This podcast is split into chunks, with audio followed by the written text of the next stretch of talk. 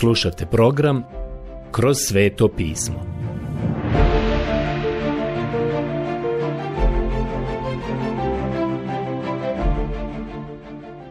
Knjiga Izlazak. Odlomak Izlazak, poglavlje 8, od 6. stiha do poglavlja 9, 7. stiha. Prijatelji, danas se vraćamo na osmo poglavlje knjige Izlaska i vidimo sud nad Egiptom koji dolazi u vidu različitih pošasti. One su zapravo usmjerene na bogove Egipta, jer je Egipat bio zemlja idolopoklonstva. Tamo se štovalo oko 3000 različitih bogova i božica. Prvo smo vidjeli da je Nil bio pretvoren u krv, a zatim smo vidjeli drugu pošast, mada ja bih to zapravo volio nazvati trećim čudom, iako to nije uobičajeno. Prvo čudo je bio štap koji je zapravo postao krokodil. Vidite da je egipatska zemlja bila mjesto zoolatrije. Obožavali su sve vrste životinja. Pošast žaba Pošast žaba je primjer zoolatrije u Egiptu, a to smo vidjeli i prošli put. Želio bih dodati još nešto o tome. Žabe je zapravo predstavljala heka, koju smo spomenuli prošli put. Heka je bila boginja koja je imala glavu žabe. Postojao je i bog Nila, zvao se Hapi. On je bio onaj koji daje hranu i Egipćani su ga uvijek prikazivali kako drži žabu u ustima iz koje teče mlaz hrane. Mislim da to pokazuje blizak odnos između boga Nila i Heke, božice žabe, koja je bila jedna od najstarijih božica majki u Egiptu bila je božica plodnosti i ponovnog rođenja, te zaštitnica babica. Jedna egipatska slika prikazuje ovu božicu sa glavom žabe kako recituje magične riječi za uskrsnuće Ozirisa, a jedna rezbarija prikazuje Heku kako kleči pred kraljicom i nadgleda rođenje faraonke Hatshepsut. Žabe su tada bile veoma česte u egipatskoj zemlji, pa tako ovdje vidimo da je jedna pošast bila usmjerena protiv njih. Bile su svete i nisu se smjele ubijati. Ali kada se probudite svakog jutra, a one su svuda, to mijenja stav prema njima. Kao što smo rekli i kao što piše ovdje, žabe su bile u krevetima i u svakoj sobi u kući. Bile su u kuhinji u posudama, u pečnici. Kada su svete i ne smijete ih ubijati, onda stvarno imate problema sa žabama. Ranije smo rekli da se vjerovatno Bog smija o tome. Sada dolazimo do najčudesnije stvari od svega. Ovo je jedno veliko čudo. Molim vas, dok čitamo, obratite pažnju na ono što se dogodilo dalje. Čitamo sada stihove 2 i 3. Aron pruži svoju ruku na egipatske vode i izađoše žabe i pokriše egipatsku zemlju ali čarobnjaci učiniše isto svojim čaranjem. I oni učiniše te izađuše žabe na egipatsku zemlju. Knjiga izlaska 8, 3. Egipatski čarobnjaci su duplirali ovo čudo. Usput da kaže, ovo je nevjerovatna stvar i otkriva Sotoninu moć, jer ovo je njegova moć. Čitamo sada od 8. do 11. stiha. Tada dozva faraon Mojsija i Arona i zamoli. Molite gospodina da mene i moj narod oslobodi od žaba. Tada ću pustiti narod da žrtvuje gospodinu. Moj se odgovori faraonu. Odredi mi samo tačno kad da zamolim zate, za tvoje sluge i narod, da se uklone žabe od tebe i od tvojih kuća i da ostanu samo u Nilu. On odgovori, sutra. Tad reče onaj, neka bude po tvojoj želji da spoznaš da nitko nije jednak gospodinu, Bogu našemu. Žabe će se dakle ukloniti od tebe, od tvojih kuća, od tvojih slugu i od tvojega naroda i samo će još ostati u Nilu. Knjiga izlaska 84 do 7. Ovo čudo su egipatski čarobnjaci duplirali.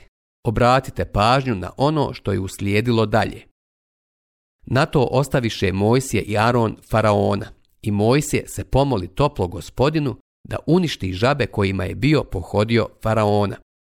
Gospodin usliša Mojsijevu molitvu. Žabe skapaše u kućama, u dvorištima i u poljama. Zgrnuše ih posuda na gomile. Zemlja je od toga zaudarala. Kad vidje faraon da opet može odahnuti, ponovno otvrdnu svoje srce i više ih ne posluša, kao što je bio gospodin unaprijed kazao. Knjiga izlaska 8, 8 do 11. Ovdje sada dobivamo sveobuhvatniju sliku o tome kako je faraonovo srce otvrdnulo. Ovdje piše da je faraon otvrdnuo vlastito srce. Vidite, sve što je Bog učinio bilo je samo da izbaci ono što je već bilo u faraonovom tvrdom srcu. Trebalo je samo da Bog pokaže da je faraonovo srce tvrdo. On se nije ni pokajao, čak ni nakon ovoga. Naravno, tome je doprinijela činjenica da su njegovi čarobnjaci mogli duplirati čudo. Pošast komaraca Pročitat ćemo sada od 12. do 15. stiha. Tada zapovjedi gospodin Mojsiju, kaži Aronu, pruži svoj štap i udari njim po prahu na zemlji, da se pretvori u komarce po svoj egipatskoj zemlji. Oni učiniše tako. Aron pruži svoju ruku sa štapom i udari njim po prahu na zemlji. Tada dođoše komarci na ljude i na stoku. Sav prah na zemlji pretvori se u komarce po svoj egipatskoj zemlji. Egipatski čarobnjaci pokušaše čaranjem isto tako proizvesti komarce, ali ne mogoše. Komarci napadoše ljude i stoku. Čarobnjaci rekoše faraonu, to je prst Božiji. Ali srce faraonovo ostade tvrdo i on ih ne posluša, kao što je bio unaprijed kazao gospodin. Knjiga izlaska 8.12.15 Dakle, do ovog trenutka čarobnjaci su mogli duplirati svako čudo, ali nisu bili u stanju duplirati ovo. Kako su učinili ranija čuda? Moram priznati da ne znam, ali postavljaju se pitanja. Da li su bili lažnjaci? Da li su oni zaista bili čarobnjaci u pravom smislu te riječi? Da li je to bio neki trik koji su izvodili? Barem su u ovom trenutku priznali da je Božji prst u onome što su Mojsije i Aron činili. Čini se kao da ih Bog postepeno uvjerava. Ali obratite pažnju na ovu pošast komaraca. Pošast komaraca je zapravo imala veze sa Gebom, bogom zemlje. Ovaj sud nad egipatskom zemljom je donio prezir prema Gebu, bogu zemlje. Smatralo se da je on bio blisko povezan sa zemljom u svim njenim stanjima. Geb je bio taj koji je Ozirisu podnio izvještaj o stanju žetve i od njega je dolazila emanacija svetog ulja. Vidite da je ta stvar ušla u sam život starih Egipćana. Neki prevodi koriste riječ uši. Usput da kažem, Poznati teolog Jansenius je napravio tu izmjenu. Korijen ove riječi znači pokriti, ugristi ili štipati. Ono što je veoma zanimljivo jeste to štipanje, pokrivanje i ugriz. Ja mislim da komarac ne bi mogao ispuniti sve to, ali uši svakako bi. Evo izjave vodećeg zoologa. On kaže da uši i grinje čine ogromnu vrstu čija je uloga u životu u velikoj mjeri da budu čistači. Sada možete zamisliti sve te žabe u naokolo. Zapis koji imamo ovdje kaže da je zemlja smrdjela. Te uši, kao čistači u prirodi, bi se na kraju mogle i riješiti tog problema sa uginulim žabama. To bi mogao postati i blagoslov koliko je bilo i prokledstvo. Imamo tu riječ koja se može prevesti kao komarci i kao uši, Gospodin Bednell je govorio o svom iskustvu u zemlji Egiptu i mislim da je ono što je rekao u vezi s ušima prilično zanimljivo. Čujte šta je rekao. Primijetio sam da se pijesak pokreće. Pomniji pregled otkrio je da je površina tla bila pokretna masa sičušnih krpelja, od kojih su hiljade njih gmizale uz moje noge. Žurno sam se povukao, razmišljajući o riječima svetog pisma da se prah zemaljski pretvorio u uši po cijeloj zemlji Egipatskoj. Ovo je čudo koje se ne može ponoviti. Pošast muha Idemo dalje i čitat ćemo sada od 16. do 19. stiha. Tada zapovjedi gospodin Mojsiju. Sutra posve rano stupi pred faraona, kad ide k vodi i reci mu, Ovako govori gospodin. Pusti moj narod da mi služi, jer ako ne pustiš moga naroda, onda ću učiniti da dođu pasije muhe na tebe, na tvoje sluge, na tvoj narod i na tvoje palače. Kuće Egipćana, pa i zemlja na kojoj stoje, bit će pune pasijih muha. Ipak s Gošenskom zemljom, u kojoj prebiva moj narod, učinit ću toga dana iznimku, tako da tamo ne bude pasijih muha, da spoznaš da sam ja gospodin na zemlji. Učinit ću rastavu između svog naroda i tvog naroda. Sutra će se dogoditi to čudo. Knjiga izlaska 8, 16 do 19. Vidite, sve do ovog znaka, do ove pošasti, sve prethodno se dešavalo istovremeno i u zemlji Gošen gdje su bili sinovi Izraelovi. Vjerovatno je jako puno ljudi govorilo faraonu. Na kraju krajeva i Izraelci pate kao i naš narod. Očigledno je da ovo nije od Boga, već postoji prirodno objašnjenje ili možda neki od naših bogova slučajno to radi. Sada u ovoj pošasti Bog pravi razliku. Od sada pa nadalje, nijedna od pošasti neće dotaći zemlju Gošen, tamo gdje su živjeli sinovi Izraelovi. Sud će biti sproveden samo nad egipatskom zemljom. Sada je ovo sud muha. Uši su bile protiv zemaljskih bogova, ali muhe su zapravo leteći insekti ili skarabeji, kako ih zovu u Egiptu. Mnogi skarabeji napravljeni od zlata su pronađeni u grobnicama u Egiptu. Posvećeni su bogu sunca Ra Amonu i također Kepari. Ovo su sada bogovi do kojih se dolazi preko pošasti muha. Sve ono što je jednom Egipćaninu bilo sveto, mjesto štovanja i što se tiče glavnog boga i boginje zemlje Egipta, Ra Amona.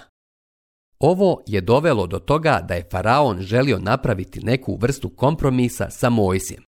Zapazite sada prijedlog koji je dao faraon. Sada čitam 20. stih u osmom poglavlju knjige Izlaska. I gospodin učini tako. Dođoše pasije muhe u velikom broju u palaču faraonovu u stan njegovih slugu i na svu egipatsku zemlju. Zemlja je teško trpjela pod pasijim muhama. Knjiga Izlaska 8.20 Taj insekt, skarabej, zapravo je govorio o vječnom životu. Danas ih arheolozi pronalaze u egipatskim grobnicama. Kao što sam rekao, bili su sveti za Egipćane. Zamislite da ova najsvetija stvar postane prokletstvo za ljude i pošast po cijeloj zemlji. Stoga je faraon poželio napraviti neki kompromis. Ovdje imate dva kompromisa. Kasnije ćete otkriti da će faraon napraviti još dva kompromisa, ukupno četiri kompromisa. Evo sada prvog kompromisa u 21. stihu. Faraon dozva Mojsija i Arona i reče, idite Žrtvujte svom Bogu ovdje u zemlji. Knjiga izlaska 8.21 Sigurno se sjećate da su Mojsije i Aron rekli da žele ići na putovanje od tri dana. Žele ići u pustinju i tamo prinijeti žrtvu. Ali sada Faraon kaže, u redu, prinesite žrtvu, ali učinite to ovdje u zemlji. Zapazite sada sljedeće. Mojsije odvrati. To ne možemo činiti jer prinosimo gospodinu Bogu svojemu žrtve koje su Egipćanima nečiste. Kad bismo pred očima Egipćana prinosili žrtve koje su njima mrske, ne bi li nas na mjestu kamenovali. Mi hoćemo ići tri dana hoda daleko u pustinju i tamo žrtvovati gospodinu, Bogu svojemu, kao što nam zapovijedi. Knjiga izlaska 8, 22, 23 Ovaj prvi faraonov kompromis je ista vrsta kompromisa koja se danas nudi kršćanima. I uvijek je to sotonski. Ovaj prvi kompromis je jednostavno u sljedećem. Budi kršćanin i veoma je lijepo što si kršćanin, ali nemoj biti isključivi kršćanin. Budi širokog i otvorenog uma. Činjenica je da oni koji tako govore zapravo ne misle da trebaš promijeniti svoj život. Prijatelji, ako ne promijenite svoj život, onda niste kršćani. Nemojte mi sada govoriti, pa ti sada kažeš da moram činiti dobra djela da bih bio kršćanin. Ne, ne govorim to tako. Mogu reći sljedeće, da ste spašeni vjerom u Krista i ničim drugim, a djela su isključena. Ali ako ste stavili spasonosnu vjeru u Krista, to će vam promijeniti život. I tu na red dolazi i vaše ponašanje vidite da kršćanstvo podrazumijeva da treba promijeniti život i ponašanje, ali prvo morate promijeniti unutrašnjeg čovjeka, a ne vanjskog. To je ono što je najvažnije. Dakle, ovo je vrsta kompromisa koju i danas možete čuti. Ja sada želim reći da danas imamo crkvu koja je prilično ugrožena. Još uvijek je u Egiptu. Danas ne možete napraviti razliku između prosječnog kršćanina i prosječnog čovjeka iz svijeta. Vidite ih na poslu, viđate ih na društvenim okupljanjima, ali ne vidite razliku. Kada čujem za činjenicu da su više od 50% građana SAD-a članovi neke vjerske zajednice, a onda na javnim mjestima vidimo nešto poražavajuće. Prijatelji, mi smo danas u utrci i to je utrka s dva konja. Jedan je crni, a drugi je bijeli i stavite jednu nogu na jednog konja, a drugu nogu na drugog konja i doći ćete do čudnog otkrića. Ta dva konja idu u suprotnom smjeru, a vi se morate odlučiti sa kojim ćete nastaviti. U našem tekstu vidimo da Mojsije neće prihvatiti faraonovu ponudu. On kaže, ići ćemo na putovanja u pustinju u trajanju od tri dana. Faraon tada dolazi sa prijedlogom, sa drugim kompromisom. Faraon reče, pustit ću vas da žrtvujete gospodinu, svom bogu, u pustinji, samo ne idite predaleko, molite se za me. Knjiga izlaska 8.24 Ovaj prijedlog je samo za nijansu drugačiji od onog prvog. Kaže da se ne udaljavaju i da se mole za njega. Ponovo je u pitanju isti izvor kompromisa. Danas vidimo da veliki broj crkava, čak i fundamentalne crkve, usvajaju svjetovne programe. Svoje aktivnosti zasnivaju na banketima, promocijama i sličnim stvarima. Da, oni su fundamentalisti, govore da vjeruju u Bibliju, ali nisu daleko od ovog svijeta. Veoma liče na svijet i iskreno ne možete napraviti razliku između nekih današnjih crkava i rotari kluba ili bilo kog drugog kluba koji ljude okuplja oko stola i hrane otprilike su isti. Nema neke velike razlike. Rekao bih da se uglavnom sastoje od onih koji ne znaju šta zapravo znači vjerovati Kristu. Faraonova ponuda nije bila zadovoljavajuća. Moj se odgovori. Ja idem sada od tebe i pomolit ću se gospodinu. Sutra će otići pasije muhe od faraona, od njegovih slugu i naroda. Samo neka faraon više ne vara naroda, pa da ga ipak ne pusti da žrtvuje gospodinu. I ode Mojsije od faraona i pomoli se gospodinu. Gospodin usliša molitvu Mojsijevu i ukloni pasije muhe od faraona, od njegovih slugu i naroda. Ne ostade ni jedna. Ali faraon i ovog puta otvrdnu svoje srce i ne pusti naroda. Knjiga izlaska 8, 25 do 28. Prijatelji, ovo sada je veoma važno vidjeti, jer faraon je taj koji zapravo otvrdnjava svoje srce. Sve što Bog čini jeste da ga tjera da otkrije ono što je već u njegovom srcu. Deveto poglavlje Sada dolazimo do devetog poglavlja i ovdje imamo peti sud, a to je pomor stoke. Dozvolite mi da pročitam sljedeće. Peta pošast Pomor stoke. Sad zapovjedi gospodin Mojsiju, idi k faraonu i zapovjedi mu. Ovako govori gospodin Bog Hebreja. Pusti moj narod da mi služi. Ako ga ne htjedneš pustiti i još ga dulje budeš zadržavao, gospodnja će ruka ošinuti tvoju stoku u polju, konje, magarce, deve, goveda i ovce veoma teškom kugom a gospodin će razlikovati izraelsku stoku od egipatske stoke, tako da od svega što pripada sinovima Izraelovim neće poginuti ni jedan komad. Gospodin odredi i rok kad reče, sutra će već gospodin učiniti da to dođe na zemlju. Sljedećeg dana učini to gospodin doista. Sva stoka uginu. Od izraelske stoke ne uginu ipak ni jedan komad. Kad se faraon raspita, izađe na vidjelo da od izraelske stoke ne uginu ni jedan komad. Ipak, faraonovo srce ostade tvrdo i on ne pusti naroda. Knjiga izlaska 9, do 7. Pomislili biste sada da će do ovog trenutka faraon biti impresioniran i da će ih pustiti. Ono što je do sada bilo očigledno jeste činjenica da je Bog sigurno bio u svemu ovome i da imaju posla sa njim. Želim vam ponovo reći da je egipatska zemlja u to vrijeme bila mjesto izražene zoolatrije, štovanja čitavog životinjskog svijeta. A Apis je bio bog koji je izgledao kao crni bik Egipta i bio je obožavan. Možete pronaći mnogo toga u toj zemlji. Sada zapravo ovdje imate obožavanje bolesne krave. Ponovo vam skrećem pažnju na to.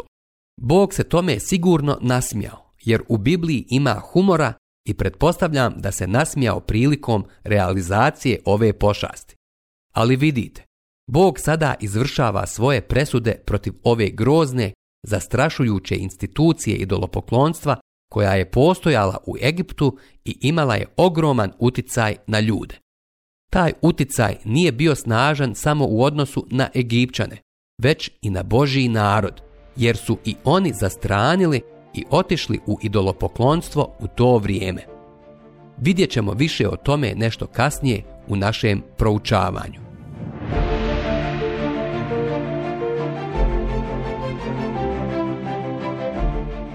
Slušali ste emisiju Kroz sveto pismo. Možete nas slušati i na našem YouTube kanalu putem mobilne aplikacije, te na svim glavnim podcast platformama kao što su Google, Apple i Spotify. Ako vam se naši programi dopadaju, preporučite ih i podijelite s drugima. Budite slobodni da ostavite svoj komentar ili nam pišite na našu e-mail adresu kroz svetopismo.bih at gmail.com Zapratite našu stranicu kroz sveto pismo BiH na Facebooku i na Instagramu.